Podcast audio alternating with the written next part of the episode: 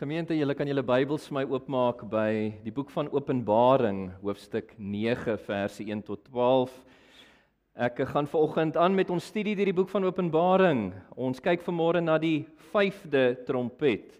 En die tema vanuit die teks wat na ons toe kom is demoniese tuistering, die demoniese foltering van die ongelowige wêreld. Openbaring 9 verse 1 tot 12. My liewe moeder het 'n sê ding gehad terwyl ons groot geword het in die huis. Sy het dikwels gesê die hel is los. Eh, ou mense sal dit dalk ken. En dit blyk so as ons rondom ons kyk in die wêreld en ook in ons geliefde Suid-Afrika. Daar is 'n morele duisternis wat hang oor die wêreld amper soos 'n kombers van besoedeling oor 'n stad. Morele duisternis wat deur Satan aangeblaas word, hy wat die god van hierdie wêreld is en waar binne hy ongelowiges verblind hou volgens 2 Korintiërs 4 vers 4 en aan dit tot alle sondes denkbaar tot hulle eie vernietiging. Uh, morele duisternis wat gesien word in wyd verspreide en onbeheerste misdaad.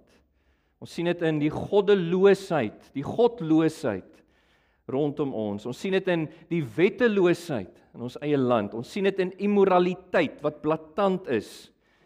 In siek perversies wat uh, voorgestaan word, misleiding van verskillende so aarde en soorte. Ons sien dit in die korrupsie, ons sien dit in die algemene ingesteldheid van vyandige gesindheid en onvergewensgesindheid tussen mense. Ek hoef nie uit te brei op hierdie dinge nie. Julle weet waarna ek verwys. En deur middel van hierdie dinge rig Satan en sy demoniese magte mense ten gronde. Die vyand vang mense vas in die greep van sondige denke en sondige dade.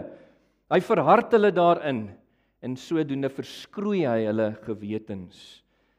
Hy dompel hulle in 'n diep en donker put van droefheid, van skuld en van spyt 'n 'n groef van moedeloosheid en teneergedruktheid van wroging en uitmergeling van hopeloosheid uiteindelik. 'n put waaruit hulle nie kan ontsnap nie. Die vyand oorweldig hulle so met 'n ondraaglike las van sonde skuld dat hulle laterand nie meer rasioneel dink nie en wil wegvlug deur hulle eie lewens te neem. En kyk die vyand is uiters verleidelik uiters oortuigend. Hy kom soos 'n engel van die lig na die mens toe.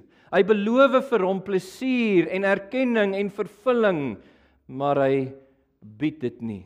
Al wat hy doen is hy brandmerk mense deur hulle sondes met fisiese, met emosionele, met geestelike letsels wat op geen manier kan genees nie behalwe deur die reddende genade van God wat daar in Jesus Christus is op die vraag hoe kan 'n liefdevolle God dan dit toelaat in hierdie wêreld oor sy skepsels? Antwoord die Bybel vir ons, geliefdes, dat ons God wat inderdaad soos die woord sê groot is in genade en barmhartigheid, groot in goedertierenheid en trou, wat nie wil hê dat enige iemand verlore gaan nie, maar kom tot die kennis van die waarheid. Hy wat sy liefde aan ons bewys het deur die kruis van Jesus in sy goedheid gebruik hy hierdie verwoestende gevolge van sonde om ongelowiges tot inkeer te laat kom. Hy laat toe dat hulle hulle vingers brand sodat hulle kan besef hoe boos, hoe skadelik sonde is en dat hulle deur middel van bekering en geloof wegdraai daarvan na God se reddende genade in Jesus Christus toe. Ek moet vir julle noem. God is nie die outeur van sonde nie en hy versoek niemand met sonde nie. Dis duidelik vanuit Jakobus 1 vanaf vers 13. Maar diegene wat kies om te volhard in hulle veragtelike optrede teenoor God, wat kies om sy Christus en sy evangelie te verwerp, spesifiek wat kies om sy kerk aanhoudend te vervolg, hulle sal hy oorgee, oorlaat aan die gevolge van hulle sondigheid as 'n waarskuwing van veel groter en finale oordeel wat wag sou hulle volhard in hulle goddeloosheid. Dit wat ek ver oggend beskryf het, geliefde, God se oorgee van ongelowiges wat hulle self verhard in sonde aan die gevolge van hulle sonde is wat vir ons uitgebeeld word wanneer die vyfde trompet blaas. Net ter wille van konteks, laasweek het ons gekyk na Openbaring hoofstuk 8 vers 6 tot 13 wat 'n groepering volg, die eerste 4 trompette waarin vir ons uitgebeeld was dat God in sy genade die ongelowige wêreld vir hulle veragting van God, hulle verwerping van Christus, hulle vervolging van die kerk, dat hy hulle waarsku deur 'n derde van land en see en waterbronne en hemelligte te tref. Dit doen hy konstant deur die kerk era vanaf Jesus se eerste koms tot by sy wederkom sien ons dit wanneer ons hierdie rampspoede sien wat land en see en waterbronne en hemelligte tref dinge soos brande vloede, aardbewings, tsunamies, peste en siekte weens eh, staande en besoedelde waters, vulkaniese uitbarstings, storms, droogte. Wanneer ons hierdie dinge sien, weet ons God se trompette van waarskuwing blaas oor die ongelowige wêreld om hulle op te roep tot inkeer. Maar diegene wat steeds weier om tot bekering te kom van hulle sondes, wat steeds volhard in hulle goddeloosheid, vir hulle sal die vyfde trompet blaas soos ons in vers 13 van hoofstuk 8 gesien het. Ons gaan vanoggend kyk in ons teks geliefdes na vyf aspekte. Vyf aspekte van hierdie sprinkaan plaag wat te voorskyn kom met die blaas van die vyfde trompet sodat ons nie vir 'n oomblik sal dink dat God sien die sondigheid van die wêreld maar net oor nie. Hy laat dit ongestraf nie. Al daai onreg waaroor ons so gebroke, so hartseer is. Nee, dat ons sal weet dat God is konstant besig om op te tree teen die ongelowige wêreld. En hy gebruik selfs die skadelike gevolge van hulle sonde as 'n waarskuwende oordeel teen hulle om hulle op te roep tot bekering en geloof in die Here Jesus Christus. Met dit gesê gemeente, kom ek lees vir ons ons teks en dan sal ek vir ons bid vir die Here se hulp. Openbaring hoofstuk 9 vanaf vers 1 sê en die vyfde engel het op sy trompet geblaas. Toe het ek 'n ster uit die hemel op die aarde sien val. Aan hom is die sleutel van die skag van die onpylbare diepte gegee. Hy het die skag na die onpylbare diepte oopgesluit en rook het uit die skag opgeborrel soos rook uit 'n groot smeltoond. Die son en lig is deur die rook uit die skag verduister. Uit die rook het daar sprinkane na die aarde geswerm. Aan hulle is dieselfde krag gegee as die van skerpe joene op aarde. Aan hulle is aangesê om nie die gras van die aarde of enige plant of boom te beskadig nie, maar slegs daardie mense wat nie die seël van God op hulle voorkoppe het nie. Hulle is nie toegelaat om die mense dood te maak nie, maar slegs om hulle 5 maande lank te folter deur hulle te pynig met 'n brandpyn, soos wanneer 'n skerpioen 'n mens steek. In daardie dae sal die mense na die dood verlang, maar dit nie vind nie. Hulle sal begeer om te sterf, maar die dood sal hulle bly ontwyk. Die voorkoms van die sprinkane was net soos die van perde wat vir oorlog gepantser is. Op hulle koppe was daar iets soos krones wat gelyk het asof dit van goud is en hulle gesigte was soos die van mense. Hulle het ook hare gehad soos die van vroue, tande soos die van leeu's Die sprinkane het borsplate gedra wat soos eysterborsplate gelyk het. Die geluid van hulle vlerke het geklink soos die gedreun van baie perdestrydwaans wat opruk na oorlog. Hulle het sterte met angels gehad, net so skerpe joene. En in hulle sterte was daar krag om die mense 5 maande lank te tuister. Die engel van die onpylbare diepte was hulle koning. In Hebreëus is sy naam Abaddon en in die Grieks Apollyon. Die eerste ramp is verby. Kyk, hierna kom daar nog twee. Tot sover het die woord van die Here geliefdes, kom ons sluit ons oë. Hemelse Vader, ons buig in nederigheid voor U en vra dat U deur die Heilige Gees, dieselfde Gees wat hierdie teks vir ons geïnspireer het, in U gesaghebende woord, dat hy dit vir ons nou sal oopbreek deur die verkondiging daarvan, die uitlê van U woord. Geef vir ons 'n diepe begrip in dit wat U vir ons geopenbaar het hier dat ons mag verstaan. Al is dit ook net bietjie meer as wat ons eh, tot dusver verstaan het uit hierdie teks het. Here, skilder U self vir ons af in al U heerlikheid. Mag ons U sien en Christus as gekruisig vanuit die teks.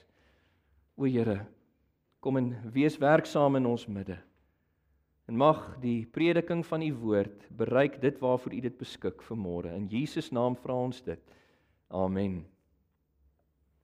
Gemeente, heel eerstens lees ons omtrent die oorsprong van hierdie sprinkane waarvan ons lees, die oorsprong van die sprinkane. Kyk saam met my weer in julle Bybels. Nou julle vingers in die teks asseblief. Die vyfde engel het op sy trompet geblaas. Toe het ek 'n ster uit die hemel op die aarde sien val. Aan hom is die engel of die sleutel van die skag van die onpylbare diepte gegee. Hy het die skag na die onpylbare diepte oopgesluit en 'n rook het uit die skag opgeborrel soos rook uit 'n groot smeltoond. Die son en die lig is deur die rook uit die skag verduister en uit die rook het daar sprinkane na die aarde geswerm. Johannes sien hier dat die vyfde engel van die sewe wat in vers 6 van hoofstuk 8 hulle self gereed gemaak het om te blaas, dat hy nou sy beurt neem en blaas op sy trompet. En Johannes sien 'n ster te voorskyn kom. En dis nie 'n letterlike ster nie soos jy duidelik kan aflei vanuit die teks. Ek wil vir julle herinner dat ons het te doen met apokaliptiese profesie en Openbaring. Dit is die literatuurvorm waarin hierdie boek aan ons gegee is volgens Openbaring 1 vers 1 en vers 3. Ek herinner julle gereeld want dit is iets wat ons nie mag vergeet nie. Ons moet die simboliese aard van hierdie literatuurvorm in ag neem en weet dat God is besig om waarhede oor sy soewereine heerskappy oor sy skepping vir ons eh, aan ons te kommunikeer deur hierdie beelde. Hierdie ster word na verwys met die persoonlike voornaamwoorde hom, hy in verse 1 en 2 en hy verrig persoonlike aksies. Hy ontvang 'n sleutel vers 1, hy sluit 'n skag oop vers 2. Duidelik is hierdie ster 'n persoon en dit word vir ons spesifiek gesê in vers 1, hy het vanuit die hemel geval op die aarde. So wie of wat is hierdie ster? Geliefdes, dis geen een anders as Satan nie. Wie nogal genoem word in Jesaja 14 vers 12 die môre ster. Satan van wie ons lees drie hoofstukke later in Openbaring 12 vers 4 eintlik maar wat verwys na hoe hy in die begin rebelleer het teen God in sy hoogmoed en hoe hy in sy rebellie derde van die engele saam met hom tot 'n val gebring het. Hulle was uitgegooi uit die hemel uit in die begin waar hy in Genesis 3 verskyn op die aarde en deur die agentskap van die slang die mense versoek. Openbaring 12 vers 4 trek eintlik maar net vanuit Ou Testamentiese profesie. Jesaja 14 vers 12 tot 15. Esegiel 28 vers 12 tot 17 wat baie duidelik praat van die Satan se val. En dis waarna hierdie verwysing verwys. 'n Ster het uit die hemel op die aarde geval toe die engel blaas. En kyk Jesus het ook in die evangelies Lukas 10 vers 18 gesê toe sy disippels terugkom na hom toe praat van hulle sukses in die bediening het hy gesê ek het Satan sien val soos 'n weerligstraal op die aarde. En dan Satan dan uitgebeeld as hierdie ster word gegee in hierdie simboliese beeld 'n sleutel sleutel. Met ander woorde hy ontvang die autoriteit, hy ontvang die reg om iets oop te sluit. Natuurlik die skag van die onpylbare diepte in ons teks. Van wie af ontvang hy hierdie sleutel? Dis ons baie duidelik vanaf ons Here Jesus Christus. In Openbaring 1 vers 18 het Jesus gesê: "Kyk, ek was dood, maar ek lewe tot in alle ewigheid en ek hou die sleutels van die dood en die doderyk." Hy is heerser oor die heelal, selfs heerser oor die dood en die doderyk. Hy hou die sleutels en is hy wat dit oorhandig aan Satan. Uh, hierdie onpylbare diepte, die bodemlose put, die die term ab, abusos in die Grieks. In die antieke verstaan het dit verwys na die plek van die dood of die doderyk en dit was altyd geassosieer met Satan en sy demoniese magte. Byvoorbeeld hier in vers 11 van ons teks hoofstuk 9 sien ons dat die engel van die onpylbare diepte ook hier 'n verwysing na Satan. Hy word daar genoem die engel van daai onpylbare diepte. So daar's 'n assosiasie van hierdie plek met Satan en sy demone ook in hoofstuk 11 vers 7 wanneer hierdie twee getuies klaar hulle getuienis gegee het word daar gepraat van die dier weer eens 'n verwysing na die Satan wat uit die onpylbare diepte verrys. Daar's weer 'n assosiasie met hierdie plek van die dood en die doderyk met Satan en sy demone. En ook julle hoef nie so te blaai nie maar in Openbaring 20 wat ons al na gekyk het wat en wat ons weer na gaan kyk as ons daarby kom by ons studie word Satan gebind in die onpylbare diepte. Vir daai simboliese 1000 jaar, daai volmaakte tydperk tussen Jesus se kruisiging en sy wederkoms. En 'n les wat ons hier uit leer geliefdes en wat ons nie moet mis nie en wat ons gereeld sien in die boek van Openbaring uitgebeeld is dat God is soewerein oor sy skepping, ook oor Satan en demone. Satan kan niks doen sonder dat God aan hom die autoriteit, die reg verleen om dit te doen nie. Ons sien hier dat vanaf die Here Jesus, vanaf die troon van God word hierdie sleutel oorhandig. Laat ons dink aan Job, né? Satan wat ster tussen die bene, elke slag na God toe moes gaan en vir toestemming vra om 'n hand te lê op Job. Dit word ook hier baie mooi uitgebeeld. En ons moet onthou Daar is nie so iets soos God en Satan wat gelyke magte is in 'n kosmiese stryd oor die siele van die mens nie. Satan is bloot 'n geskape wese. Hy was geskape as 'n gerub. Jesegiel 28 vanaf vers 12. Wanneer die Bybel praat van God onderhou alles deur die krag van sy woord, sluit dit die vyand in. Satan is bloot 'n skepsel en hy kan nie vashou, kan nie staande bly voor ons ongeskape, almagtige, soewereine God nie. Nog 'n les wat ons leer uit hierdie simboliese beeld hier is dat God gee soms ongelowiges oor aan die gevolge van hulle sondes en dit is belangrik dat ons dit sien. Want dit is wat vir ons eh, in hierdie die die die in die boodskap van hierdie teks gekommunikeer word.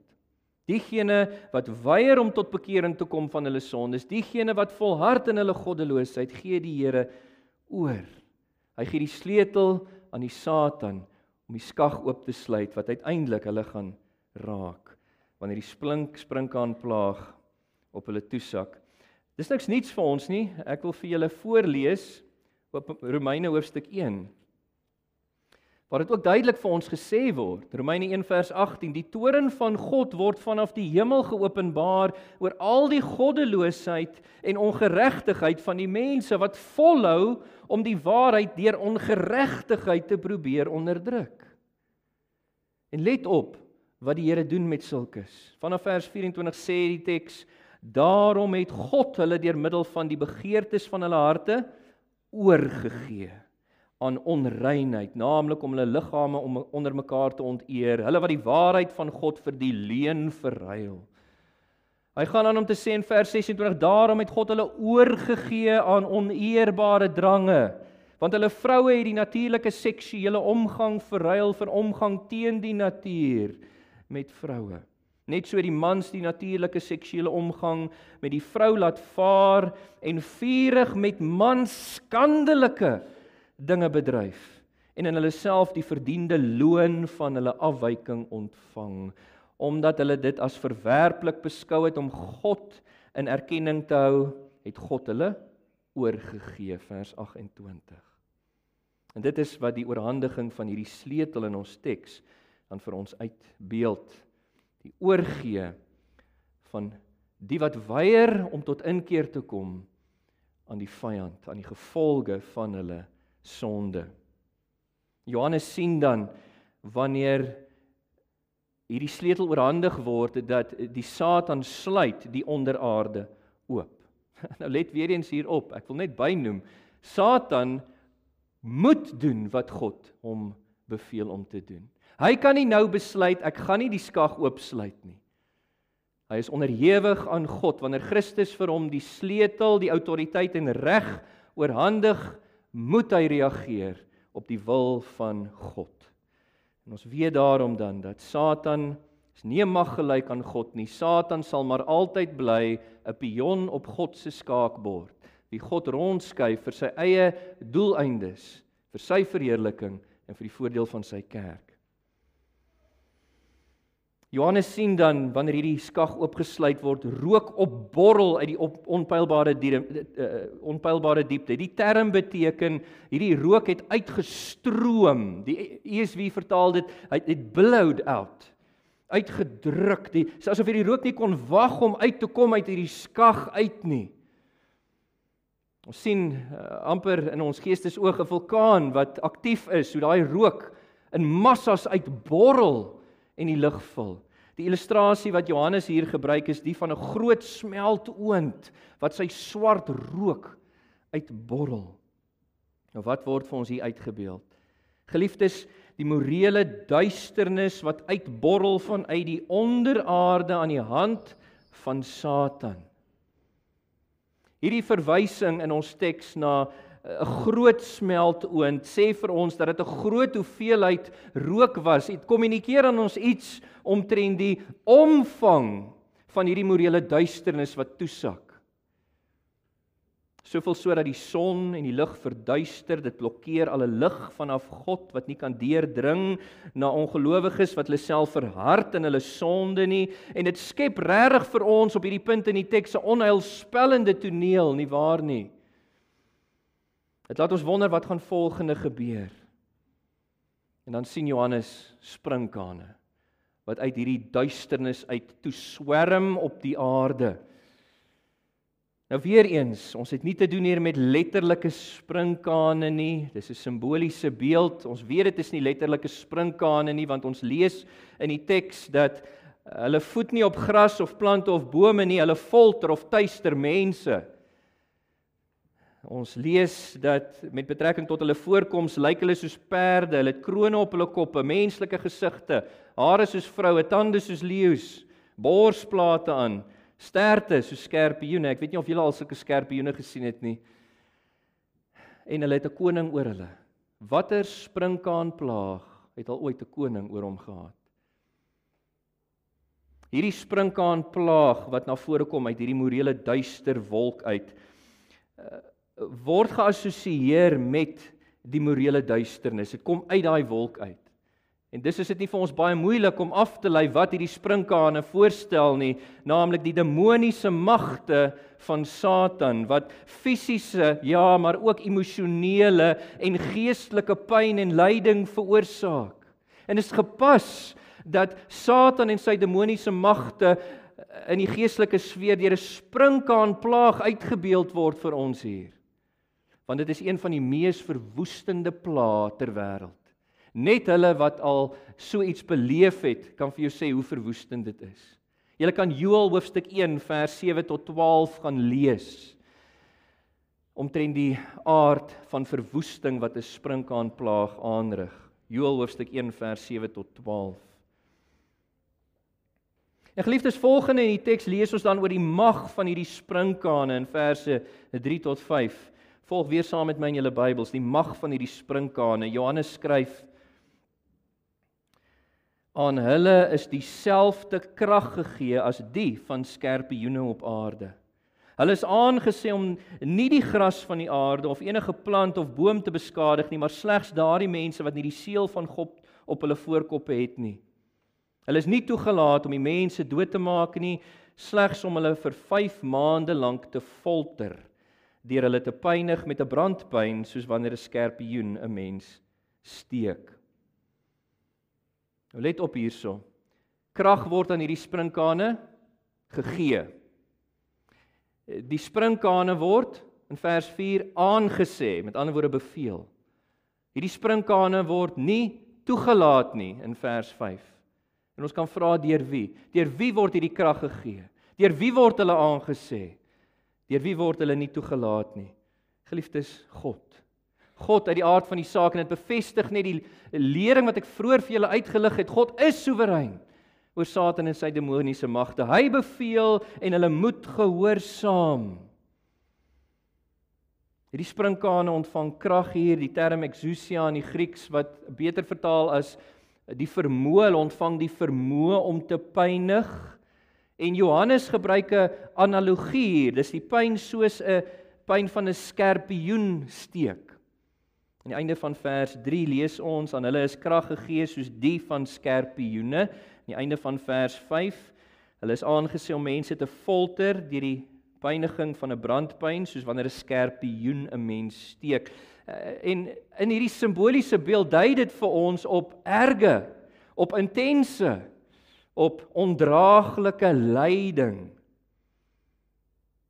Weet jy wie van julle al deur 'n skerpioen gesteek was nie, maar geliefde sonde het altyd erge, intense, ondraaglike lyding tot gevolg. En tog God beperk die mag van Satan en sy demone in hierso in vers 4. Hy sê vir hierdie sprinkaanplaag, hierdie eh, demoniese swerm dat hulle slegs daardie mense mag aanraak wat nie die seël van God op hulle voorkoppe het nie. Is dit nie besonders nie? Nog 'n kosbare waarheid hieruit is dat God beskerm sy eie Diegene wat deur middel van geloof in Jesus deur die Heilige Gees verseël is as God se eiendom onder sy beskerming. Dit was vir ons uitgebeeld deur die eh, simboliese beelde in Openbaring 7. Met ander woorde te midde eh, die morele duisternis sal God Satan en sy demoniese magte gebruik om mense te tuister te folter as 'n waarskuwing, maar vir jou en my geliefde gelowiges sal hy beskerm ten spyte van die morele duisternis rondom ons in hierdie wêreld. En daarom, by wyse van toepassing kan ons bid soos Jesus ons geleer het in Matteus 6 vers 13. Vader, lei ons nie in die versoeking nie, maar verlos ons van die bose. Die Here doen dit en hy's ywerig en gretig om dit te doen. En ons hoef ook nooit demoonbesetenheid te vrees nie. Ek weet sommige wonder daaroor. As daar ooit 'n teks in die Bybel was wat dit onmoontlik wat wat die onmoontlikheid van die gelowiges se demoonbesetenheid aanwys, is dit hierdie teks. Geen gelowige wat inwoon word deur die Heilige Gees kan ook terselfdertyd beset wees deur 'n demoon nie. Satan en sy demoniese magte kan ons nie aanraak nie volgens vers 4 want ons is deur die Heilige Gees verseël as die eiendom van God onder sy beskerming. Hy bewaar ons. En kyk nog 'n les wat ek onder julle aandag wil bring hier is dat God is nie net 'n beskermer van sy eie nie. Hy is genadig teenoor die ongelowiges. Hy wat nie begeer dat enige een verlore gaan nie, maar dat ons tot die kennis van die waarheid kom, né? Die Ou Testament het gesê, Jesegiel 33 vers 11, God het nie behaag in die dood van die goddelose nie, maar dat hulle tot inkeer kom. Hy bedoel hierdie trompette net as waarskuwende oordeele oor ongelowiges. Hy wil hulle nie totaal en al oorweldig nie maar hulle tot inkeer bring van hulle sonde en daarom perk hy hierdie vyfde trompet ook in soos hy die eerste 4 ingeperk het. In tyd en hy perk dit in in intensiteit. Ons lees in ons teks die Here perk hierdie vyfde trompet in tot slegs 5 maande. 5 maande geliefde is gewoonlik die leeftyd vir 'n sprinkaan in die Midde-Ooste se wêreld, so sê al die kommentators wat ek opgelees het hieroor. Van Mei tot September is hulle baie aktief en dis waarskynlik die bedoeling hier agter. Met ander woorde, God se waarskuwende oordeel oor die ongelowiges hier het 'n definitiewe begin en 'n definitiewe einde. Ons sien daarin die genade van God. Hy tref hulle nie met volskaalse veroordeling wat hulle eintlik verdien nie, né? Hy begeer dat hulle tot inkeer kom. En hy perk dit in nie net in tyd nie, maar in intensiteit. Hy laat hierdie sprinkane nie toe om mense dood te maak nie. Slegs te tuister, slegs te folter. Hoe genadig is ons God nie. Ek geliefde dan volgende in die teks lees ons omtrent die effek van hierdie sprinkane. Die effek van die sprinkane in vers 6. Kyk weer saam met my in julle Bybels. Dit sê in hierdie In daardie dae sal die mense na die dood verlang, maar dit nie vind nie. Hulle sal begeer om te sterf, maar die dood sal hulle bly ontwyk. In daardie dae, met ander woorde, in daai seisoen van tuistering en daai seisoen van foltering waar tydens God die ongelowiges sal oorgee aan Satan en sy demoniese magte vir hulle veragting van hom, hulle verwerping van sy Christus en evangelie, vir hulle vervolging van die kerk, sal hulle ergernis beleef. Hulle sal net die dood verlang, hulle sal begeer om te sterf. Dit dui vir ons op die intensiteit van die droefheid, die moedeloosheid, die teneergedruktheid, die wroging, die die uitmergeling, die hopeloosheid, die skuld, die spyt wat hulle sal beleef as 'n gevolg van hulle volharding in sonde en ons sien dit rondom ons in die wêreld doen ons nie. Die skade wat sonde aan mense aanrig, hulle sal eerder wil sterf, maar soos die teks sê, God sal verhoed, God sal weerhou dat hulle hulle eie lewens neem om een of ander manier. En nog 'n les wat ons hieruit leer is dat daar is geen ontsnap van God se oordeele nie. Let op, geliefde. As jy onder die oordeel van God staan, is daar nêrens waarheen jy kan vlug nie. Want God is oral en hy is soewerein oor die ganse heelal, selfs oor die dood en die doderyk.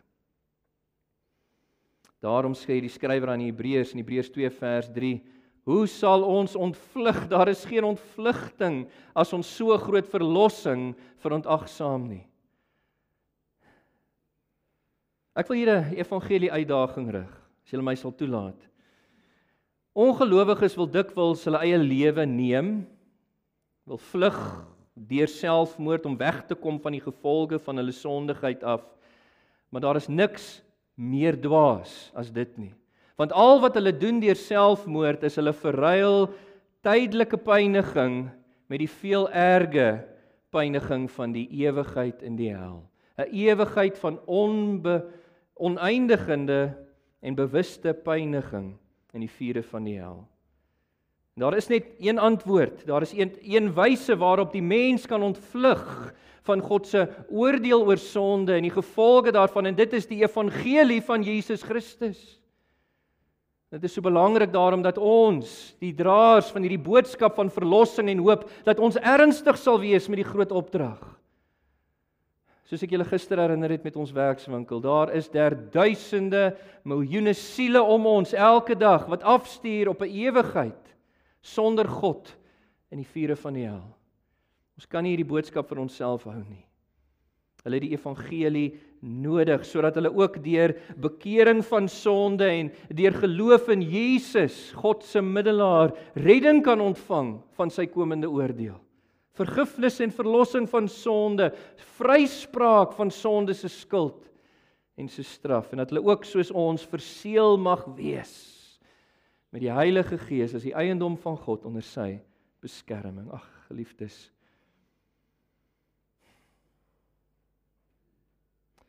Volgende lees ons in ons teks oor die voorkoms van hierdie sprinkane. Ek wil kortliks ook hierna kyk. In verse 7 tot 10, kyk saam met my in julle Bybels die voorkoms van hierdie sprinkane. Ons lees Johannes skryf die voorkoms van hierdie sprinkane. Onthou wat hy in simboliese visioen sien, was net soos die perde wat vir oorlog gepantser is. Op hulle koppe was daar iets soos krones wat gelyk het asof dit van goud is. Hulle gesigte was soos die van mense, hulle het hare gehad soos die van vroue, tande soos die van leeu's. Die sprinkane het borsplate gedra wat soos eysterborsplate gelyk het. Die geluid van hulle vlerke het geklink soos die gedreun van baie perde strydwaans wat opruk na oorlog. Hulle het sterte met angels gehad, net so skerpioene en in hulle sterte was daar krag om die mense 5 maande lank te tuister. Weereens hier die simboliese uitbeelding word word in hier word vir ons gekommunikeer um in hierdie beeld iets van die skrikwekkende aard van Satan en sy demoniese magte. Wanneer hulle op die mens toesak, let op. Die woordjie soos verskyn 8 maal in hierdie 3 verse wat ek vir julle gelees het. Dis verstaan ons is nie letterlike goed wat uh, Johannes sien nie. Simbolisme Hierdie sprinkaanplaag verwysend na die demoniese magte van Satan lyk soos perde wat iets sê vir ons van hulle krag en hulle gretigheid om te verwoes. Hulle het krones op hulle koppe wat iets kommunikeer van die verowerende aard van hulle en hoe effektief hulle is in hulle verwoesting. Hulle het gesigte soos mense wat praat van hulle intelligensie. Die vyand is nie dom nie. Geliefdes, hulle het hare soos die van vroue wat net iets sê van die subtielheid, die verleidelikheid van Satan se demoniese magte. 'n Tande waarmee hulle hulle prooi verskeer, tande soos leeu's wat weer eens dui op die verwoestende aard van Satan en sy demoniese magte. Hulle het borsplate aan wat beteken hulle is dit sê iets van hulle onaantastbaarheid. Daar's geen menslike verweer teen hulle nie. Niks wat die mens teen hulle kan doen nie. Hulle vlerke wat soos baie strydwaans klink, totaal oorweldigend wanneer die Here die ongelowige in sy sondigheid oorgee aan Satan. Hulle sterte, weer een soos ek genoem het, wys op die erge, die intense, die ondraaglike lyding wat hulle veroorsaak. Geliefdes, hierdie prentjies bedoel om vrees in te boesem by die ongelowige. Vrees vir die vyand wat hulle heelhartig dien in hulle ongeregtigheid. En dan lees ons vyftens ook omtrent die koning van hierdie sprinkane in ons teks. In vers 11, kyk asseblief weer na julle Bybel saam met my, die koning van die sprinkane. Die engel van die onpylbare diepte skryf Johannes was hulle koning. In Hebreëus is sy naam Abaddon en in die Grieks Apollyon. Koning hier, die term wat Johannes gebruik, basileus wat verwys na 'n regerder met volmag oor 'n spesifieke sfeer. Met ander woorde, as ons 'n les hier uit kan haal, Satan. Hy is die regerder. Hy sit agter elke demoniese tuistering en foltering en geestelike droefheid wat dit teweegbring. Hy is altyd die een wat die onderaarde oopsluit, as ek die bewoording van die beeld kan gebruik. Natuurlik slegs wanneer God hom toestemming gee, né? Maar hy is altyd die een wat agter hierdie sprinkaan plaag sit wat hulle loslaat op die ongelowige wêreld. Hy is soos die teks sê die engel van die onpylbare diepte. Hy word genoem in die Hebreëus Abaddon, in die Grieks Apollyon wat beteken verwoesting of verwoester in albei tale. Wat vir ons 'n baie akkurate prentjie skets van wat sy hoofdoel is met die mens. Hy is die verwoester wat verwoesting aans eh, aanblaas en by wyse van toepassing dit is teen hom wat die apostel Petrus vir ons sê in 1 Petrus 5 vers 8 en 9 dat ons moet waak en bid want ons vyand loop rond soos 'n brullende leeu op soek na wie hy kan verslind. Die verwoester.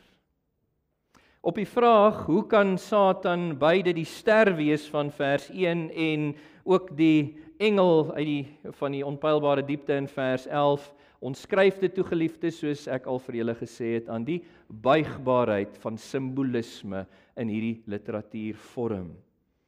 Ek meen ons het al heelwat met hierdie buigbaarheid van simbolisme te doen gehad in die boek, né? Julle onthou in hoofstuk 1 het Jesus die sewe sterre in sy regterhand gehou, maar terselfdertyd sit hy sy regterhand op Johannes in vertroosting. In hoofstuk 5 het die engel vir Johannes gesê die leeu uit die stam van Juda het oorwin. En dan wanneer Johannes kyk na die leeu, dan sien hy 'n geslagte lam. Dis die buigbaarheid van simbolisme.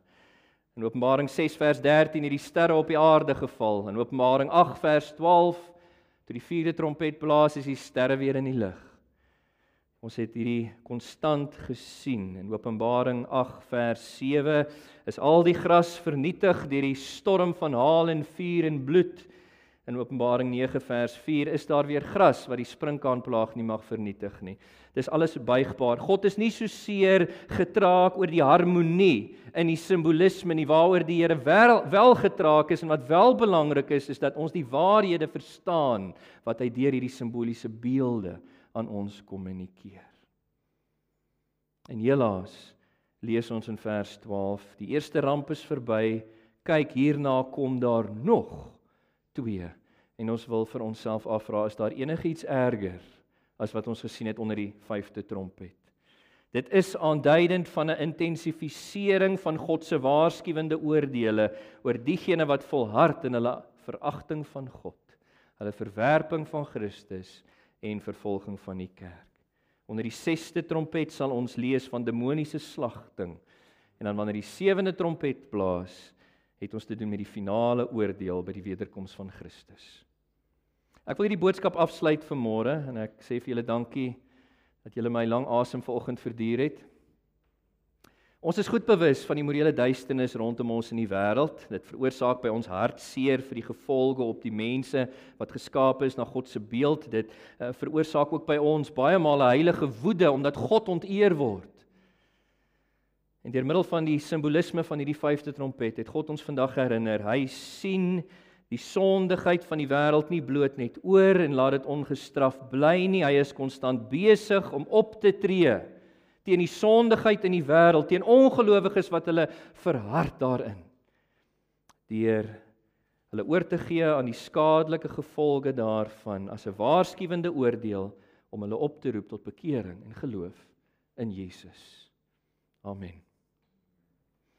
Hemelse Vader, ons eer U uit die diepte van ons harte vir U woord.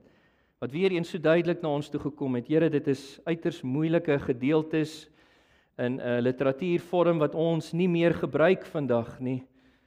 Maar dankie dat U deur die Gees van waarheid my in die week gelei het in my bestudering van die teks en dat U ook vir ons verder sal lei deur die Gees van waarheid soos wat ons teruggaan na die teks toe om dit verder te gaan bestudeer. Begelei U kinders dat hulle tot 'n akkurate verstaan van die woord sal kom en sal verstaan Here iets meer van U werking in hierdie wêreld met u kerk en ook met ongelowiges. Dat wanneer ons kyk na die wêreld gebeure rondom ons, dat ons kan raak sien hierdie dinge en kan onthou, is vir ons 'n uitbeelding dat God is soewerein oor sy skepping. Dankie vir die vertroosting wat daar vir ons as u kinders in die teks is en help ons om in die lig daarvan te gaan leef tot u eer hierdie week. In Jesus naam. Amen.